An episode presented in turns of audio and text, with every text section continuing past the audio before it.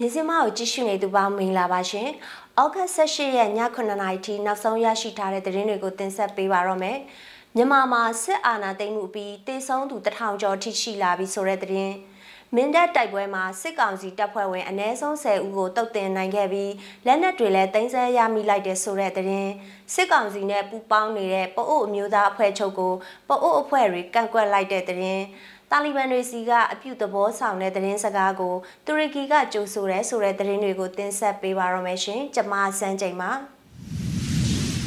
ဖေဖော်ဝါရီတရက်မှာစစ်တပ်ကအာဏာသိမ်းမှုနောက်ဆက်တွဲဖြစ်အပြစ်မဲ့ပြည်သူတေဆုံးမှုဟာဒီကနေ့ဩဂတ်18ရက်အထိတထောင်ကျော်ရှိလာပြီလို့နိုင်ငံရေးအကျဉ်းသားများကုညီဆောင်ရှောက်ရေးအသင်း AAPP ရဲ့တာဝန်ရှိသူတဦးကပြောပါရယ်စစ်အာဏာပိုင်တွေကတော့ AAPP ရဲ့ကိန်းဂဏန်းတွေကိုချက်ကားထားတယ်လို့ဆွဆွဲပေမဲ့နိုင်ငံတကာအဖွဲ့အစည်းတွေက AAPP ကိုယုံကြည်ရတဲ့အရင်းမြစ်အဖြစ်ကိုးကားကြပါရယ် AAPP ရဲ့ကောက်ယူရရှိထားတဲ့စည်ရင်းမှတ်တမ်းတွေအရအပြစ်မဲ့ပြည်သူတထောင်တဦးကြဆုံးခဲ့ရပြီလို့ AAPP အတွင်ရေးမှူးကိုသိန်းနိုင်က writer သတင်းဌာနကိုဖြေကြားထားတာဖြစ်ပြီးအမှန်တကယ်ကြဆုံးသွားသူအရေးအတွက်ကအတော်လေးပုံမများပြားနေနိုင်ပါတယ်လို့လည်းသူကဆက်ပြောပါတယ်။မြန်မာနိုင်ငံမှာစစ်အာဏာသိမ်းပြီးတဲ့နောက်ဖယိုဖယဲအခြေအနေအောက်ကျရောက်ထားခဲ့ရပြီးနေ့စဉ်နဲ့အမျှအာဏာရှင်ဆန့်ကျင်ရေးဆန္ဒပြမှုများရှိနေဆဲဖြစ်ပါတယ်။ အာနာသိန်းစစ်တပ်ကိုစန့်ကျင်တော်လှန်တဲ့တိုက်ပွဲတွေလည်းရှိနေပါတယ်။အာနာသိန်းမှုနောက်ပိုင်းအခြေအနေတွေအောက်မှာနိုင်ငံစီးပွားရေးဟာလည်းကြီးကြီးမားမားထိခိုက်လျက်ရှိနေပါတယ်။ ချင်းပြည်နယ်မင်းတပ်မြို့တိုက်ပွဲတွေမှာအကြမ်းဖက်စစ်ကောင်စီတပ်မှအ ਨੇ ဆုံး10ဦးကိုရှင်းပြနိုင်ခဲ့ပြီးလက်နက်အချို့သိမ်းဆည်းရမိခဲ့တယ်လို့တော်လန်ရေးတပ်ဘက်ကပြောပါရယ်။မနေ့က17မိုင်နဲ့17မိုင်ကြားတိုက်ပွဲက16မိုင်ကပြန်လှည့်လာတဲ့စစ်ကြောင်းကိုလမ်းမှာ CDF ကဖျက်တိုက်ခဲ့တယ်လို့ CDF မင်းတပ်ရဲ့မင်းတပ်မြို့နယ်ပြည်သူ့အုပ်ချုပ်ရေးတပ်ရဲ့တရင်နဲ့ပြန်ကြားရေးတာဝန်ခံကမြစ်စမကိုပြောပါတယ်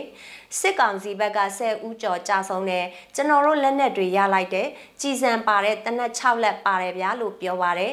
စစ်ကောင်စီဘက်မှတရင်လေးရင်မှာအင်အား350ကျော်ပါပြီးမင်းတပ်မြို့အနောက်ဘက်ခြမ်းနဲ့မြောက်ဘက်ခြမ်းတို့မှာစစ်မျက်နှာနှစ်ခုဖွင့်ပြီးတော့လက်နက်ကြီးပစ်ခတ်မှုတွေပါဝင်တဲ့ထိုးစစ်ဆင်တိုက်ခိုက်နေခဲ့တာဖြစ်ပါတယ်တိုက်ပွဲမှာ CDF မင်းတပ်ဘက်ကတဦးဒဏ်ရာရရှိပေမဲ့အသက်အန္တရာယ်စိုးရိမ်ရတဲ့အခြေအနေမရှိဘူးလို့သိရပါတယ်။ဩဂတ်စ်လ23ရက်နေ့ကစပြီးဒီကနေ့ထိတိုက်ပွဲပြင်းထန်ခဲ့တဲ့မင်းတပ်မြို့မှာတိုက်ပွဲအရှိန်ကြောင့်စစ်ပေးရှောင်4000ခန့်ဟာတောင်ယာနဲ့ဥယျာဉ်တွေထဲကိုထွက်ပြေးသိမ်းရှောင်နေရတယ်လို့မင်းတပ်ဒေသခံတွေကပြောပါတယ်။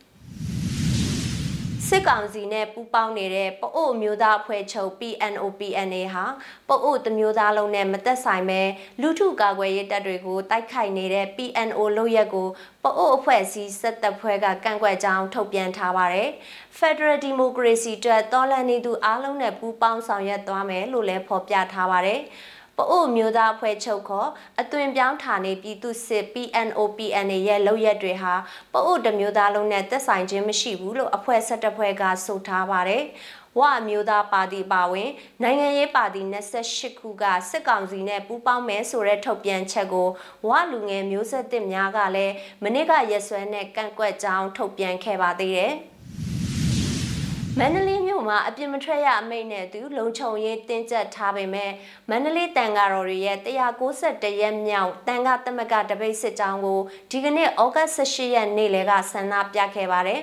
စစ်ခွေးအမိန်ပါလဲဘယ်လဲရတဲ့နီးနဲ့ပုံကန်ထကြွနေမယ်အမိတ်ဟူသည်များဖီဆန်ကြလုံးဝအုပ်ချုပ်ခွင့်မရစေရစတာတွေကြွေးကြော်ပြီးဆန္ဒပြခဲ့တာဖြစ်ပါတယ်။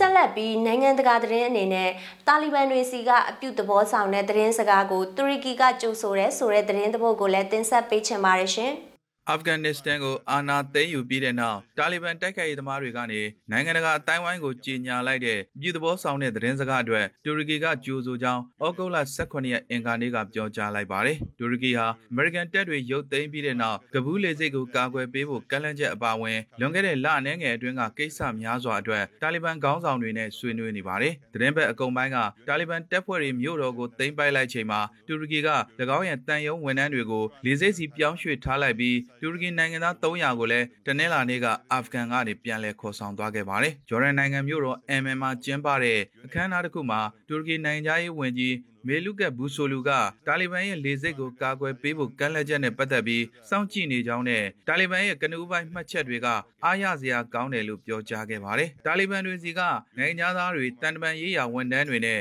သူတို့ပြည်သူတွေစီကိုပါလိုက်တဲ့အပြုသဘောဆောင်တဲ့သတင်းစကားတွေကိုကျွန်တော်တို့ကြိုဆိုပါတယ်။သူတို့ရဲ့သတင်းစကားနဲ့ထက်တူညီတဲ့လှုပ်ဆောင်ချက်တွေကိုတွေ့ရလိမ့်မယ်လို့လည်းမျှော်လင့်ပါတယ်လို့ရုံးမြင်တန်ကြားကနေပြောကြားခဲ့ပါတယ်။တူရကီဝန်ထမ်းတွေဟာမဟာဗျူဟာမြောက်လေကြောင်းလုံခြုံရေးပံ့ပိုးမှုလုပ်ငန်းတွေကိုနှစ်ပေါင်းများစွာအတွေ့အကြုံရှိကြောင်းနဲ့လောလောဆယ်ကပူးရဲ့လုံခြုံရေးအခြေအနေကိုစောင့်ကြည့်ဖို့လိုသေးတယ်လို့ကက်ဘူဆိုလူကဆိုပါတယ်။တာလီဘန်အပါအဝင်အာဖဂန်ကပါတီအားလုံးနဲ့ဆွေးနွေးမှုတွေဆက်လုပ်နေပါတယ်လို့သူကဆိုပါတယ်။လောလောဆယ်ဒီကိစ္စအတွက်သူတို့အချင်းချင်းဆွေးနွေးနေကြတယ်။အသွင်ကူးပြောင်းရေးမှာဘယ်သူတွေပါဝင်မလဲ၊ယာယီဆိုရကိုဘယ်လိုဖွဲ့စည်းမလဲစတာတွေကိုသူတို့ဆွေးနွေးဖို့ရှိတယ်။ကျွန်တော်တို့လည်းဒါတွေအားလုံးအတွက်တွဲဆုံဆွေးနွေးဖို့ရှိတယ်လို့ဆိုပါတယ်။